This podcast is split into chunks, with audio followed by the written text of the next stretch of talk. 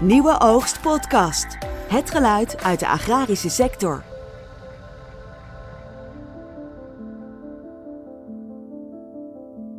Maria Buitenkamp en Edo Biewinga zijn al vier jaar op zoek naar een opvolger voor hun blauwe bessenbedrijf. Ik ben Jorien, redacteur bij Nieuwe Oogst en ik zoek Maria en Edo op in het Drentse Tiendeveen waar ze wonen naast hun bedrijf dat ze met zoveel liefde opgebouwd hebben en waarvoor ze dus hard op zoek zijn naar een geschikte overnamekandidaat. Het vinden daarvan blijkt helaas nog niet zo makkelijk te zijn. We, hebben een blauw bessenbedrijf, biologisch, hier in eh, Drenthe op een heel mooi plekje, 11 hectare teelt. En eh, we zijn al een aantal jaren op zoek naar opvolgers, omdat wij de pensioenleeftijd uh, bijna bereikt hebben. En um, ja, we willen niet tot de eeuwigheid doorgaan met hard werken en, en, en, verantwoordelijk zijn voor een bedrijf. We willen ook nog een andere levensfase met, ja, na als pensioen.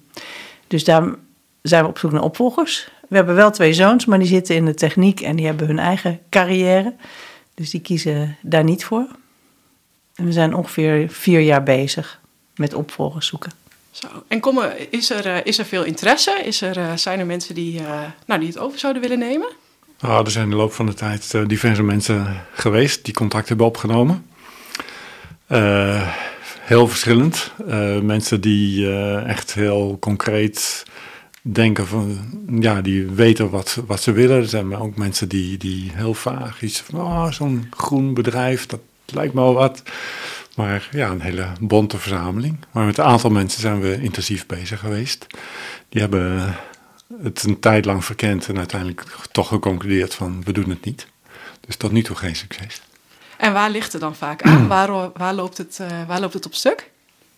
Nou, voor een deel uh, heeft het te maken met financiering. Dat is best lastig, zeker nu de rente afgelopen jaar toch wel ook hoog is geworden. En er zijn, al, ja, mensen hebben meestal niet genoeg kapitaal. Ja, het is ook logisch om, om dat helemaal uit eigen zak te financieren. En dan hebben mensen en bijvoorbeeld wel, ja, als ze hun huis kunnen verkopen, hebben ze wel iets. Maar uh, ja, de grondprijzen zijn hoog. En, uh, dus, dus de waarde van het bedrijf is vrij hoog. En, maar dat geldt in de hele landbouw natuurlijk. Dat je eigenlijk een hoge waarde hebt uh, terwijl het rendement relatief laag is. Hè. Je, je, haalt dat er niet zomaar uit. We hadden mensen die spraken over 7,5% rente. Ja, zo. Die moesten heel veel lenen. Toen zeiden we al meteen van, nou ja, dat kan je eigenlijk vergeten. Want zoveel verdien je niet met een landbouwbedrijf. En het rendement van grond aankopen is gewoon niet zo heel hoog. Dus moet je toch op lange termijn zien. En daar schrikken veel mensen voor terug. Uh, of ze krijgen het gewoon niet rond. Uh, we hadden ook mensen die hadden wel het ongeveer rond, maar die, ja, die, die schrokken toch wel heel erg terug voor het feit dat je in de fruitteelt je eigen markt heel erg moet uh, regelen. Ja. Dat je dus niet inderdaad een vast contract hebt en elk jaar of, of, elke week komen ze alles wel ophalen en dat is geregeld. Je moet ook echt aan de bak met de markt. En ja, we hadden mensen die vonden zichzelf daar uiteindelijk niet geschikt voor, bij nader inzien. Terwijl we al best ver met ze waren. Maar ja, we hebben wel gezegd, we willen behelpen. We bieden wel aan van we kunnen een jaar samenwerken. We kunnen de kneepjes van het vak leren. Dus we zijn tot heel veel bereid. Maar mensen moeten het wel zelf aandurven en zichzelf dat uiteindelijk ook zien doen. Ja, dat, dat, het is ook wel, het is natuurlijk een hele uitdaging om zo'n bedrijf te runnen. Er zitten heel veel kanten aan.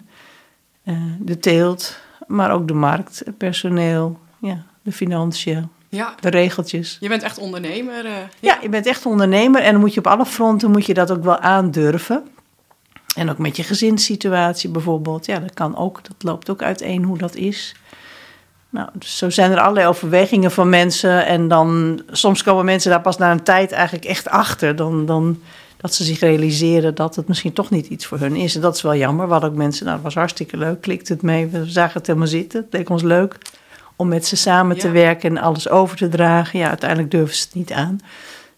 En dat had minder met financiën te maken, maar ja, meer met hoe heftig het ook wel is om zo'n bedrijf te runnen. En, en zeker die markt. We hebben een hele mooie markt opgebouwd afgelopen jaren.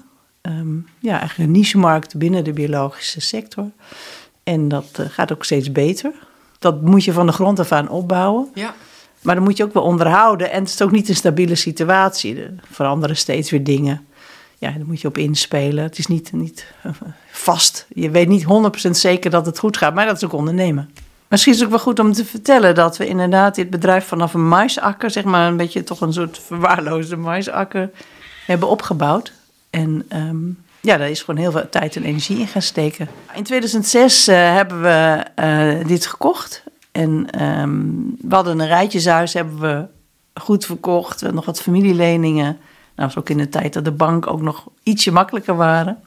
En zo hebben we dat bedrijf uh, opgebouwd. Um, ja, vanaf een, zeg maar, soort van kale maisakker. Um, best wel een beetje verwaarloosd. Het was een beetje huurland ook. Dus ja, er zaten slechte plekken in. En uh, ja, omdat het dan huurland was geweest, is er ook niet zo heel uh, veel aandacht aan besteed. Dus we hebben heel veel aandacht aan besteed om het weer een beetje recht te leggen. Uh, bodemverbetering, organische stof. ja, heel veel daar gedaan. Ingeplant in 2006. En ja, pas na vier à vijf jaar komt er echt significante oogst aan. Dus, uh, en dan begin je dus die teelt helemaal onder de, ja, onder de knie te krijgen. Op een gegeven moment eerst ja, zet je het een beetje in bulk af wat je dan oogst. Het wordt steeds iets meer. En je gaat dan, dat was ook ons ondernemingsplan, ga je proberen om het minder bulk en minder anoniem in de markt te zetten. Nou, daar zijn we dus jarenlang al mee bezig en dat lukt ook steeds beter. Dus we hebben steeds meer dat onze producten uh, in de biologische winkels liggen onder onze eigen naam. En dat vinden de klanten leuk, dat vinden wij leuk. Dus ja, in die zin hebben we een hele weg afgelegd. En uh, ja, dat is ook hartstikke leuk om dat aan mensen te kunnen overdragen. En die hoeven het echt niet zo te doen als wij het nu precies doen. Maar die hebben wel een basis. Ja. Wij begonnen met die marsakker en hele kleine plantjes. En ja, hier is, hier is wel een bedrijf ja, wat gewoon produceert. En, en waar een markt, een niche-markt voor is. En onze afnemers die hopen ook heel erg dat het doorgaat. Ja. Die, gisteren sprak ik nog een van de afnemers. Ja, jullie zijn een pareltje in, in ons assortiment. Dat moet toch eigenlijk doorgaan? Dus ja, dat, dat, nou, dat is ook hartstikke leuk om te horen. Ja, ja, en het zou heel mooi zijn natuurlijk als, dat, als het inderdaad door kan gaan. Want stel nou dat er een luisteraar luistert en die denkt... ja, dit is mijn unieke kans, ik wil dit. Hoe, uh, ja, wat moet diegene dan weten en hoe kunnen ze jullie het beste bereiken? Nou, ik denk onmiddellijk een mailtje sturen of bellen naar uh, Noorderbos. We hebben ook een website, noorderbos.nl. Er staat ook een filmpje op van uh, wat een paar jaar geleden voor tv is gemaakt. Kun je al heel veel zien van hoe het bedrijf eruit ziet. Ja, kom vooral koffie of thee drinken met ons en, en eens kijken van wat zoek je. En ja, kunnen we samen daar wat moois van maken. En ja, we zijn tot van alles beleid. Hoor. We hadden ook eerst mensen waar heel niet veel. Een, uh, niet een vast format van. Nee. nee. Uh, dit is het sollicitatieformulier. Nee. het is heel erg afhankelijk van uh, degene die komt. maar mensen, als mensen contact leggen, dan, dan hebben we contact. Gaan we verder kijken. Ja, en we staan ook heel erg open voor varianten. We hebben ook gezegd van, nou ja, er zijn wel hoekjes zeg van, ja, daar, daar komt misschien wat minder af. Nou, daar zou iemand ook iets anders mee kunnen doen. Uh, weet je, het is niet zo van, het moet per se zo. Het, zou leuk, het is gewoon leuk om met mensen te sparren over, nou, misschien kun je sommige dingen wat anders doen. Er zijn natuurlijk ook dingen waarvan we zeggen, ja, doe dat nou niet, want dat, dat, dat, daar verdien je geen geld mee. Maar uh, we staan heel erg open voor ook veranderingen. En we zijn ook de afgelopen tijd ook steeds wel weer bezig geweest om bijvoorbeeld te vernieuwen. We hebben sinds, sinds een jaar hebben we een soort van sorteren- en inpaklijntje gekocht. Dus we investeren ook nog steeds. We hebben niet zoiets van, ja, we gaan met pensioenen, we doen niks. Nee, we hebben vorig jaar nog weer een betere uh, machinale schoffelinstallatie uh, gekocht. Dus ja, zo ben je bezig. En het zou hartstikke leuk zijn om dat met die mensen die zeggen, ah, leuk, om dat soort dingen ook te bekijken. Ja. En we hebben dan ook echt, we, hebben, we hadden op een gegeven moment mensen die heel serieus uh, het eigenlijk wilden overnemen. Hadden we ook al een heel plan, ook met de gemeente besproken, dat mensen hier een tijd op het erf kunnen wonen, in een soort tijdelijke woning bijvoorbeeld, dat je een tijdje samenwerkt. Omdat het ook heel handig zou zijn, hè, dat mensen niet iedere keer aan hoeven komen te rijden, maar gewoon hier een tijd kunnen wonen. En de, dus, nou, de gemeente wilde daar ook in principe aan meewerken. Dus dan, ja, dat zijn allemaal leuke opties. Uh, denken wij dat kan gewoon hartstikke leuk zijn als je dat samen doet. En uiteindelijk moeten mensen het natuurlijk zelf doen, maar en, en de ene zal langer uh, wat advies willen dan de ander, staan we ook voor open. We hadden laatst ook iemand die zei ook van, zei, ja goed, als, jij over, als je dit overneemt en over twee jaar heb je nog een keer een probleem en het is acuut, dan springen we ook in de auto ja. en dan komen we ook. Het is niet zo van dat we zeggen, nou, red je er maar mee na zoveel tijd. Nee, als, we dat kunnen, dan willen we mensen graag helpen om het tot een succes te maken. Dus er is eigenlijk heel veel mogelijk voor een, uh, voor een potentiële opvolger. Ja, ja. wij denken wel. Uh, en, en, we denken ook dat ze aan ons een hele prettige mensen hebben om, om, om mee te werken. Omdat we heel erg openstaan voor, ja. om mensen te helpen. Maar ook mensen vrijheid willen geven om een beetje de eigen keuzes te maken. Het, is niet zo van het moet per se zo. Ja, voor, voor uh, jullie potentiële opvolger, als die dit nu uh, luistert, wat, uh, wat voor producten moet hij of zij dan aan denken? Nou, verse bessen, dat is ongeveer 30 tot 40 procent van de oogst plukken met de hand. En dat doen we in bakjes, dat gaat naar de biologische winkels. En het, de rest vriezen we in, wordt meestal machinaal geplukt. Daar maken we sappen van, of laten we sappen van maken. Dat vind je ook in de biowinkels. En een, een behoorlijk groot deel uh, verpakken we zelf in zakken van 1 kilo. In diepvries in de biowinkels, voor mensen thuis, in het toetje of in, in het ontbijt. En ja, je ziet dat dat ook steeds meer wordt gekocht. Ja, want de markt is ook, wordt ook wel steeds beter, toch? Voor Nederlandse blauwe bessen, bessen van eigen bodem. Nou, je kan zeggen dat ons deel in die markt steeds beter wordt. ja. In ieder geval, die diepvriesbessen, dat, dat, is, dat loopt heel mooi. Dat, dat, dat is eh, ook voordeliger dan verse bessen. En dat is ook heel praktisch, het bederft niet. Uh, je hebt het in de vriezer liggen, je neemt af en toe een handje bessen eruit. En we merken dat dat heel erg door de biologische consument wordt gewaardeerd. Ja. En zeker ook in de tijd van, ja, van hoge prijzen. Het scheelt wel ongeveer de helft om oh. diepvriesbessen ja, te eten. En de, in principe is uh, de markt voor diepvriesbessen is een soort mondiale markt. Want ingevoerde bessen kun je heel lang bewaren. Dus dat, dat, daarmee wordt het automatisch een mondiale markt. Maar wij hebben juist geprobeerd om ons te onderscheiden met ons eigen uh, product, Drentse blauwe bessen.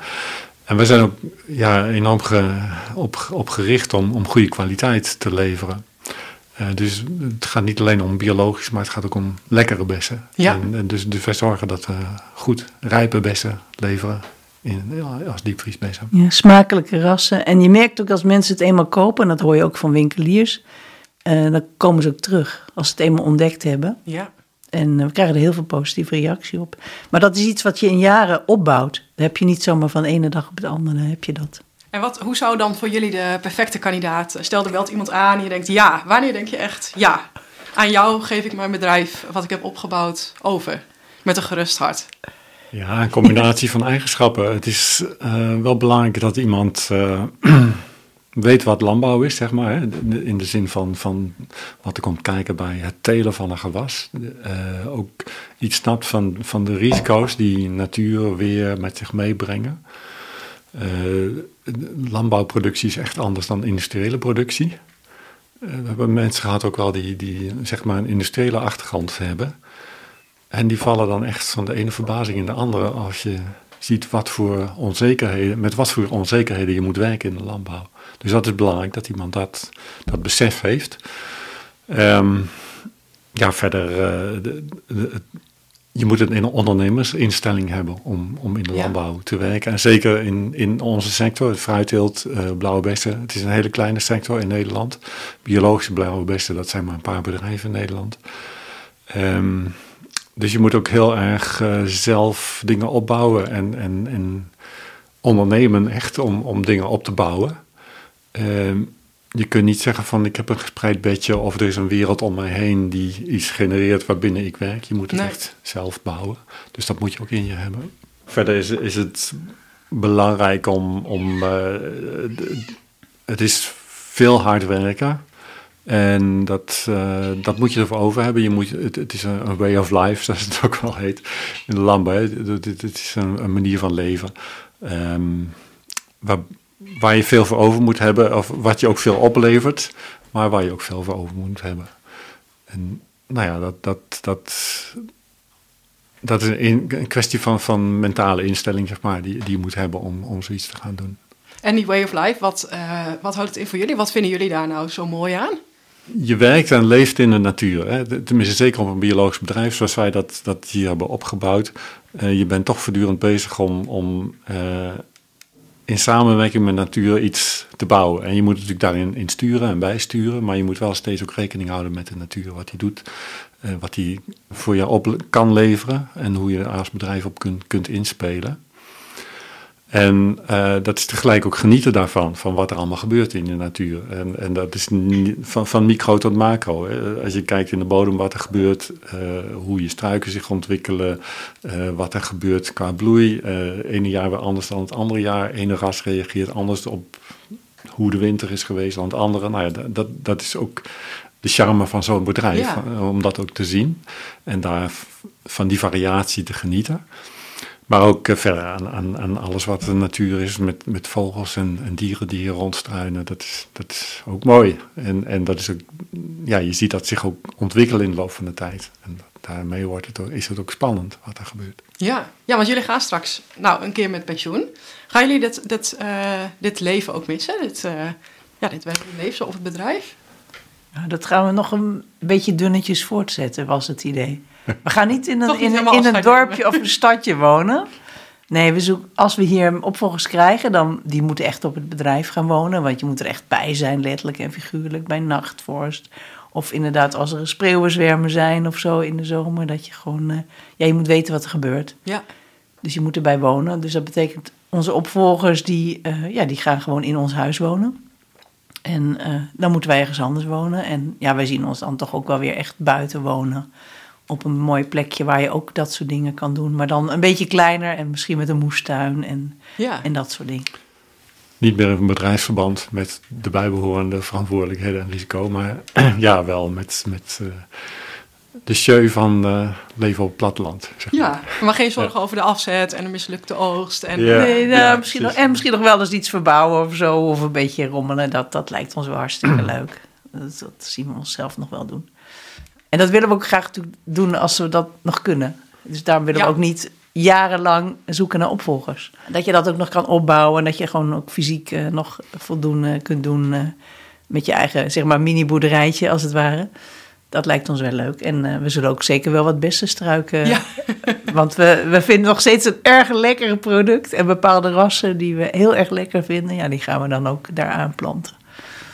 En wat is nou um, voor een, een, potentiële opvolger, wat, wat, wat zullen de grootste uitdagingen zijn? Wat zijn grote uitdagingen bijvoorbeeld die jullie zelf tegen zijn gekomen de afgelopen jaren? Onkruid. Biologisch telen is onkruid een van de grootste uitdagingen. Ik denk dat ook heel veel biologische telers dat zullen bevestigen. Ja, ja zelfs voor gangbare blauwe bestentelers ja. is, is onkruid al, uh, al best een, een, lastig ding. Maar de, met mm, wat handwerk en verder uh, nodige chemische middelen komen ze daar wel uit.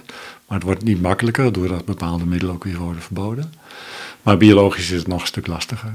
En uh, nou ja, ja, dat, dat, uh, we zijn de afgelopen jaren ook aan het verkennen geweest of, of we dat met robotica oh ja. kunnen oplossen. Maar daar is de tijd eigenlijk nog niet rijp voor. Voor de akkerbouw worden nu wel uh, echt machines ontwikkeld, robots die, die echt een bijdrage kunnen leveren. Maar uh, in, in de fruitteelt is het nog niet zo ver. Maar ja, we verwachten wel dat op, op termijn van een aantal jaren dat wel ook kan. En dat, dat zou moeten helpen. En dat zal ook nodig zijn omdat ja, de arbeidskosten van ja. onkruidbeheersing, die, die, die, die reizen echt enorm de pan uit. De arbeid is, is enorm veel duurder geworden het afgelopen jaar. Wordt dit jaar ook weer veel duurder. Dus ja, dat, dat, dat moet je echt op een gegeven moment toch voor, voor een flink deel kunnen vervangen door... Uh, door niet-arbeid. Ja. Dus bijvoorbeeld robots. En we hebben, proberen nu al wel zoveel mogelijk mechanisch te doen, maar dat, dat heeft zijn beperkingen. Ja. Doen we dan wel. Allerlei randen worden wel met een soort schoffelmachientje bewerkt. Dus we hebben wel allerlei manieren om onkruid te, te lijf te gaan. Maar er blijft toch ook heel veel, gewoon handen zijn dan nodig. En dat is duur en dat is een uitdaging. En, maar goed, op termijn denken we zeker dat dat met robotisering wel een keer wordt opgelost. Maar het is niet heel dichtbij. Dat hebben we natuurlijk zelf een heel project gedraaid met een aantal uh, collega-telers, zowel gangbaar als bio. En uh, ja, dat viel nog niet mee. Dat, dat, dat komt nee. nog niet van de grond. En waarom is dat, uh, waarom is dat zo lastig? Ja, omdat het minder voorspelbaar is. In de akkerbouw begint het een beetje te komen. Ook de biologische akkerbouw, maar er zijn ook nog steeds heel veel handjes nodig. Ja. Maar zo'n rijtje met een bepaalde plant die daar gezaaid is of daar gepoot is, dat is toch wel veel overzichtelijker voor een robot dan eh, ja, allemaal van die struikjes die allemaal Ja. gekke takken hebben en een beetje hobbelebobbel en, en bultjes en strooisel. Dat is een heel andere situatie. En dat, dat blijkt gewoon heel moeilijk te zijn om dat nu al zeg maar, met robots te doen. Dat, dat is nog niet gelukt. En is het nog wel te doen om die handen nu eh, steeds te vinden? Voor ons wel, als je maar betaalt en een prettige omgeving biedt. Ja. En we liepen zo straks natuurlijk ook hier. We hebben ook mensen die helpen met snoeien, want dat is ook veel werk. En eh, ja, we merken wel dat, eh, ehm, dat mensen hier toch wel graag komen. Je zou zeggen van, ja, wie wil dat doen? Nou, Nederlanders in het algemeen niet. Nee. Snoeien is soms nog een enkele Nederlander, maar eh, we hadden een tijdje gepensioneerde akkerbouwer. Die vond het leuk om te snoeien. Kon het ook heel goed. Maar goed, op een gegeven moment werd hij toch te oud. En eh, ja, de, maar goed, de, de mensen zeg maar uit eh, Polen, en we hebben nu ook een paar mensen uit Oekraïne, die, eh, ja, die komen graag eigenlijk. En dat, dat valt reuze mee, want het is, ja... Dat, Oh, en, en we merken wel dat, ja, we, we willen de mensen goed behandelen, goed betalen en een beetje vrijheid geven om eigen tijd in te delen. En, en dan merk je wel dat mensen toch terugkomen. Ja. Oh, fijn. Nou, fijn dat jullie daar geen probleem Ja, dat is geen probleem. mensen. Nee, Ja. maar de, de kostenpost is er wel. Ja, precies. Ja, Ja, ja. ja. en jullie zijn nu natuurlijk eh, ja, ongeveer vier jaar op zoek naar een, eh, een potentiële opvolger. Maken jullie je ook, ook zorgen dat, dat, het, eh, ja, dat, dat uiteindelijk dat het misschien niet komt? Of ja, maak, ja, maken jullie je daar zorgen om? Of is dat nog niet zo ver? Nou, we hebben langzamerhand wel gemerkt dat, dat zeg maar een, een, een gewone overdracht, eh, dat dat heel moeilijk is. Ja, Eh, dus we zijn wel steeds meer nu op zoek naar bijzondere constructies. In de zin van eh, dat je een, een, dat een, een opvolger een deel van de grond niet zelf koopt, maar dat een, een andere financier, bijvoorbeeld eh BD Grondbeheer of zo'n soort partij, dat die de grond koopt en dan weer verpacht. ja, Dat je op die manier de hele financieringslast een eind naar beneden kunt brengen. Maar goed, er staan natuurlijk ook nadelen tegenover. Dus dat, dat is ook passen en meten. Dat is ook afhankelijk van een opvolger, wat die zou willen en waar, waar de voorkeur van, die persoon ligt. Ja, maar we hebben wel inderdaad nu een aantal ervaringen met verschillende mensen gehad. En die het ook allemaal heel serieus hebben bekeken. En dan merk je wel inderdaad, nou ja, dat we dus inderdaad dat het veel kapitaal voor nodig is. Ehm, en dan kun je zeggen, nou ja, wij willen best, eh, we hoeven niet de hoofdprijs te hebben, want we vinden het doorgaan van het bedrijf ook belangrijk. Je kunt je ook voorstellen dat je mensen nog tegemoet komt door zeg maar een bepaalde ja, stukje eh, bijvoorbeeld nog eh, als lening zelf te doen. Een soort, hè, een soort, Ja. soort laagdrempelige lening met niet al te veel rente. Dan zeg je van nou, dat kunnen we, we kunnen op allerlei manieren helpen. Maar het scenario van mensen gaan dat helemaal financieren met een bank en met eigen vermogen. Eh, Je merkt dat dat heel moeilijk is. En, en dat is in de hele landbouw eigenlijk wel zo. Toevallig was ik net op, op een paar workshops die erover gingen. Met, over jonge boeren en boer zoekt boer en allemaal van dat soort Oh, dingen ja. allerlei presentaties gehoord. En het is heel breed eigenlijk het probleem in de landbouw... dat, dat er gewoon veel kapitaal in bedrijven zit.